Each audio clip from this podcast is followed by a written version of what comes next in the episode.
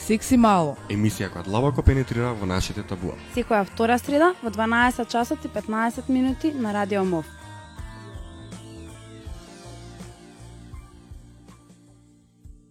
Здраво на сите. А, вашиот домаќин за денес во прекрасното студио на Радио МОВ ќе биде ќе бидам јас, Велимир Велимир Савески. Не знам дали до сега се случило да биде домаќин представник на тимот на Секси Мало во а, студиото на Радио МОВ, но не е тоа се случува. А, тоа нема да го намали квалитетот на оваа емисија и секако дека ќе уживаме и во оваа емисија во исто толку добра музика. Јас сум, можам да соберам музиката каква што сакам. Поздрав Ани до Амстердам, се надевам дека ме слушаш. М Она за кој што би сакал да да кажам збор два што младинската група на Хера го направи во последниот период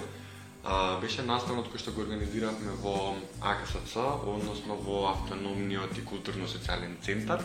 кој што беше на некој начин отворен ден за за сите оние заинтересирани кои што сака да видат што Хера млади а, работи.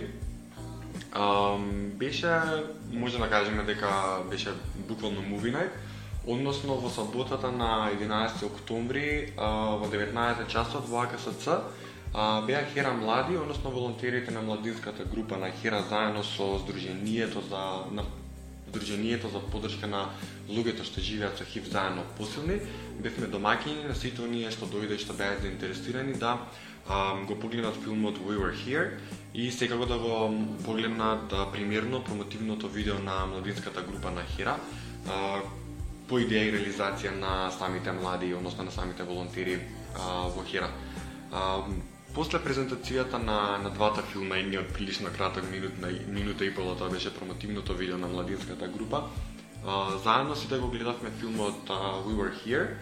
односно а, намерно го одбравме тој филм кој што е поврзан со епидемијата на, на ХИВ во Сан Франциско во 80-тите, за да направиме една споредба и корелација во однос на тоа што се случува денес во, во Македонија.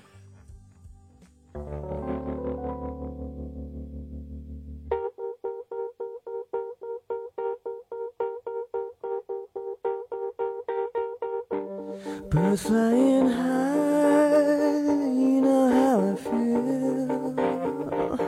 Sun in the sky, you know how I feel. Breeze drifting on by, you know how I feel. It's a new dawn, it's a new day, it's a new life for me. And I'm feeling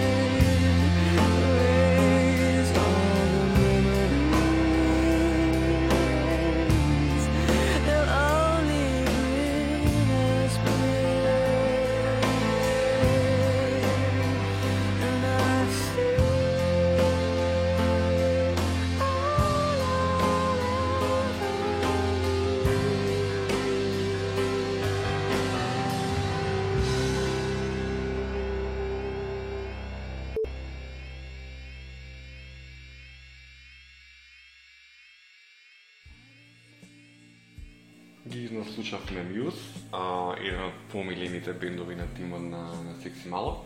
А, како што кажав во овојниот дел, намерно го одбравме We Were Here, повеќе документарец, а, затоа што беше прилично а,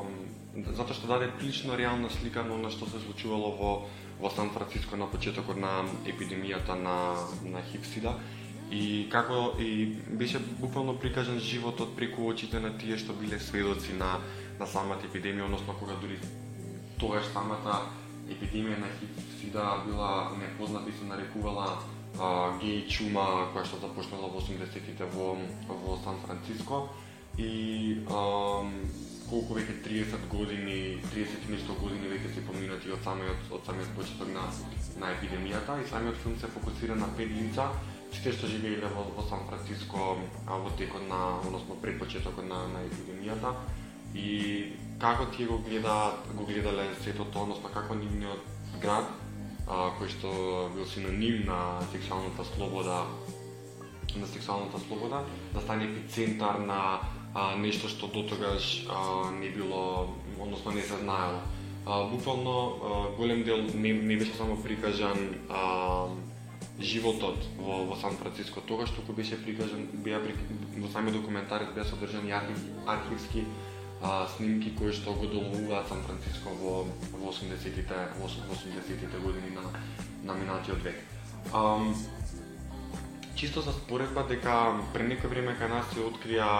а, ново откриени случаеви за ХИВ и зголемениот број ново откриени случаи на ХИВ само треба да не подсети дека ХИВ е реалност, дека не е некаде таму, дека ХИВ тука околу нас и дека треба да се заштитиме и дека не прост, дека не постои простор за за паника. Статистиките покажуваат дека таму каде што нема почитување на човековите права, на било која група на граѓани, но особено на реливите групи на граѓани, стапката на ХИВ е најголема. Она што треба да биде заложба на сите, буквално на сите граѓани, на сите граѓански организации кои што работат во овој сектор е да ја одржиме ниската стапка на ХИВ,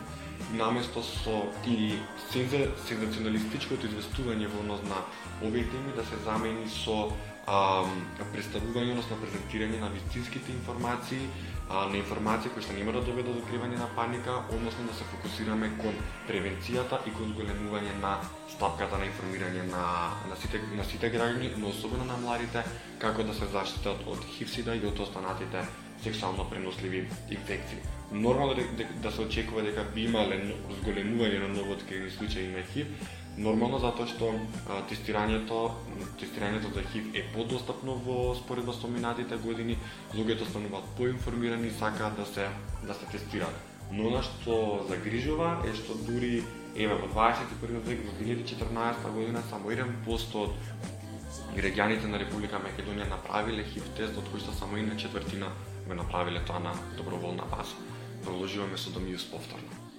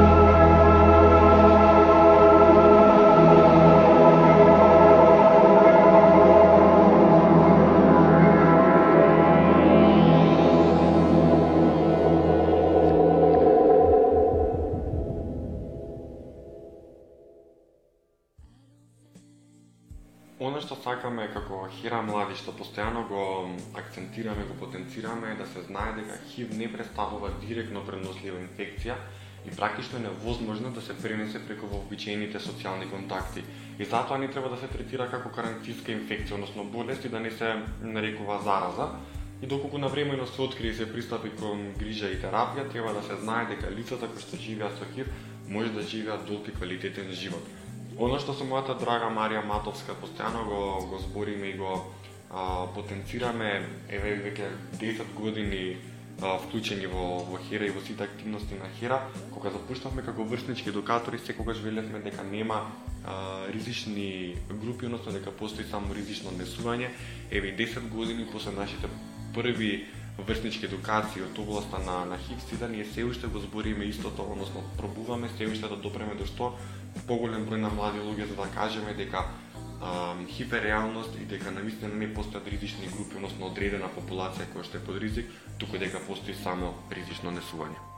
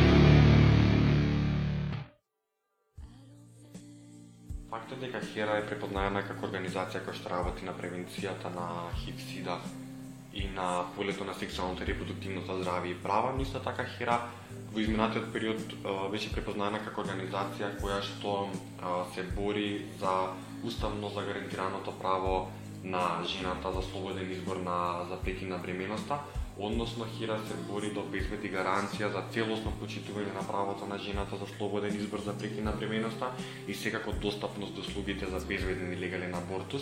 но и зголемена стапка за употреба на, на контрацепција.